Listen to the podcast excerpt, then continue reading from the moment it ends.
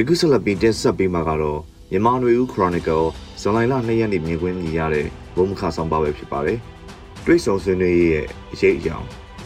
ဒီနေ့သတင်းတွေထဲကအကြောင်းအရာတစ်ခုကတော့ AFP သတင်းဌာနကဖော်ပြခဲ့တဲ့သတင်းဖြစ်ပါတယ်။စက်ကောင်စီပြောရေးဆိုခွင့်ရှိသူဗိုလ်ချုပ်စောမင်းထွန်းကပြောဆိုရဲဆိုတဲ့ဒေါ်အောင်ဆန်းစုကြည်နဲ့တွိတ်ဆုံဆွေးနွေးရေးမဖြစ်နိုင်ဟုမပြောနိုင်ကြောင်းနဲ့တွိတ်ဆုံဆွေးနွေးရန်တိုက်တွန်းထားသည့်နိုင်ငံများလည်းရှိကြောင်းသတင်းဌာနကိုပြောဆိုခဲ့တဲ့သတင်းဖြစ်ပါတယ်။ ဒီသတင်းကစစ်အာဏာသိမ်းမှုဖြစ်ပွားပြီးကတည်းကစစ်ကောင်စီဘက်ကပထမဆုံးပြောဆိုမှုဖြစ်တယ်လို့ဆိုရပါမယ်။လက်ရှိအနေအထားမှာတိုင်းပြည်ထဲမှာလက်နက်ကင်တိုက်ပွဲတွေအနှံ့အပြားဖြစ်ပွားနေသလိုတရားဥပဒေစိုးမိုးမှုလည်းတိတ်တာထင်ရှားစွာညှော်နှဲလာနေပြီးလူရဲမှုတပ်ဖြတ်မှုဓမြမှုနဲ့တဘာဝတယံဇာတာတွေအထင်းအကွက်မရှိတူးဖော်ထုတ်လုပ်မှုတွေလည်းဖြစ်ပွားနေတာဖြစ်ပြီးကဘာမှာရိတ်ခါအကျက်အတဲငွေကြေးဖောင်းပွားမှုလောင်စာစွမ်းအင်ဈေးနှုန်းကြီးမြင့်မှုတွေနဲ့ ကမ္ဘာလုံးဆိုင်ရာအခက်အခဲအကျက်အတဲကြုံရတော့မယ်အရေးလက္ခဏာတွေမြင်တွေ့နေရချိန်မှာမြန်မာနိုင်ငံအနေနဲ့နိုင်ငံရေးအကျက်အတဲကတပူပေါ်နှစ်ပူဆင့်ဆိုသလိုအခြားနိုင်ငံတွေထက်အကျက်အတဲပိုနဲ့ရှိုင်းစေမဲ့အနေအထားလည်းဖြစ်ပါတယ်။လို့ဝေမဲ့တစ်ဖက်မှာလည်းအခုလိုအချိန်ကာလမှာဖက်စစ်စစ်တပ်အမြင့်ဖြတ်ရေးစစ်အာဏာရှင်စစ်တပ်ကိုအောက်ခြေမှစအပေါ်ဆုံးထိဖျက်သိမ်းရေးစစ်ကောင်စီတပ်လက်နက်ချရေးသို့မဟုတ် စစ်ကောင်စီတပ်အပြုတ်တက်ရေးကိုရီမန်းထားတဲ့နိုင်ငံရေးစစ်ရေးအမြင်အယူဆတွေလည်းလွှမ်းမိုးနေခြင်းဖြစ်ပါတယ်စစ်ကောင်စီအနေနဲ့ရွေးကောက်ပွဲအနိုင်ရတဲ့ NLD ပါတီလက်ထက်ကအာဏာကိုသိမ်းယူခဲ့ပြီး၎င်းတို့စိတ်တိုင်းကြအခြေအနေအောက်မှာရွေးကောက်ပွဲပြန်လုပ်က NLD အာဏာမရအောင်လှုပ်ဆောင်မှုရည်ရွယ်ပြီးစစ်အာဏာသိမ်းခဲ့ရမှာမျောလင့်မထားတဲ့လက်နက်ကိုင်ခုခံမှုပုံကံမှုလက်တုပ်ပြန်လုပ်ကြံတပ်ဖြတ်မှုတွေနဲ့ဂျုံတွေ့နေရပြီးမြန်မာနိုင်ငံရဲ့အကြက်အတဲက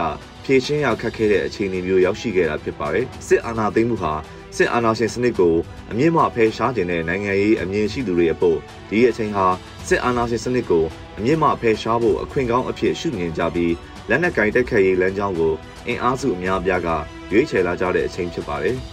အဲ့ဒီအခွင့်အလမ်းကိုစုစည်းပြီးဖက်စစ်စစ်တပ်ကိုအောက်ခြေကလှမ်းပြီးဖယ်ရှားမယ်လို့ရည်ရွယ်ထားကြတာလည်းဖြစ်ပါတယ် လက်နက်ကင်နှန်းစဉ်ကိုဆယ်စုနှစ်ခုနှစ်ခုနီးပါးကင်ဆွဲခဲ့ပြီးကိုပိုင်ပြဋ္ဌာန်းခွင့်စစ်မှန်တဲ့ Federal ကိုဘန်းနိုင်အဖြစ်ထားတဲ့တိုင်းရင်းသားလက်နက်ကိုင်အဖွဲ့တွေအနေနဲ့တော့ Federal အရေးကအဓိကဖြစ်ပြီးစစ်ကောင်စီတပ်အမြင့်ဖြတ်ရေးဆိုတဲ့အနေအထားကတဖွဲ့တည်းတစုတည်းစွမ်းဆောင်နိုင်တဲ့အနေအထားမဟုတ်လို့ဘုံကြီးမှန်းချက်ကိုတော့ထောက်ခံကောင်းထောက်ခံကြမှာမှန်ပေမဲ့၎င်းတို့ဒေသမှာကိုပိုင်ပြဋ္ဌာန်းခွင့်စစ်မှန်တဲ့ Federal အခွင့်အရေးရဖို့က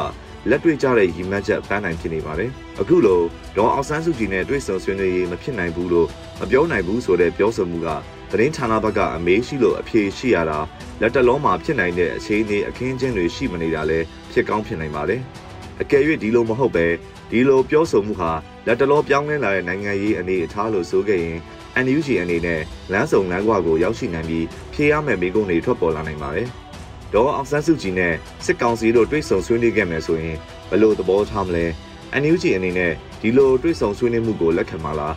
NUG တဲ့ပါဝင်နေတဲ့ NLD မဟုတ်တဲ့အခြားသောအင်အားစုတွေတိုင်းရင်းသားလက်နက်ကိုင်အရက်ဖက်အဖွဲ့အစည်းလိုမျိုးကဘယ်လိုသဘောထားမလဲ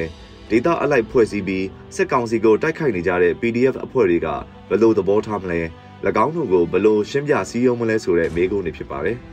ဒါတွေကဖြစ်မလာသေးတဲ့အခြေအနေတစ်ခုကိုပြောပြတာမို့မဖြစ်နိုင်တဲ့အဖြစ်ပြက်အနေနဲ့စဉ်းစားပြီးအခုတစ်ခါမှအဖြေလို့လည်းမရပါပဲအကယ်၍ဖြစ်လာခဲ့တယ်ဆိုရင်တော့အဲ့ဒီလမ်းစုံလမ်းကွာရောက်ပြီးရွေးချယ်ရမယ့်ရွေးချယ်စရာတွေသဘောထားတွေကစဉ်းစားဖို့တော့လိုအပ်မှာဖြစ်ပါတယ်ခင်ဗျာယခုတင်ဆက်ပေးခဲ့တာကတော့တွေ့ဆုံဆွေးနွေးရေးရဲ့အရေးအကြောင်းလို့အမည်ရတဲ့မြန်မာနွေဦး Chronicle ဘုံခါဆောင်ပါပဲဖြစ်ပါတယ်ကျွန်တော်ကတော့နွေဦးမှာပါခင်ဗျာ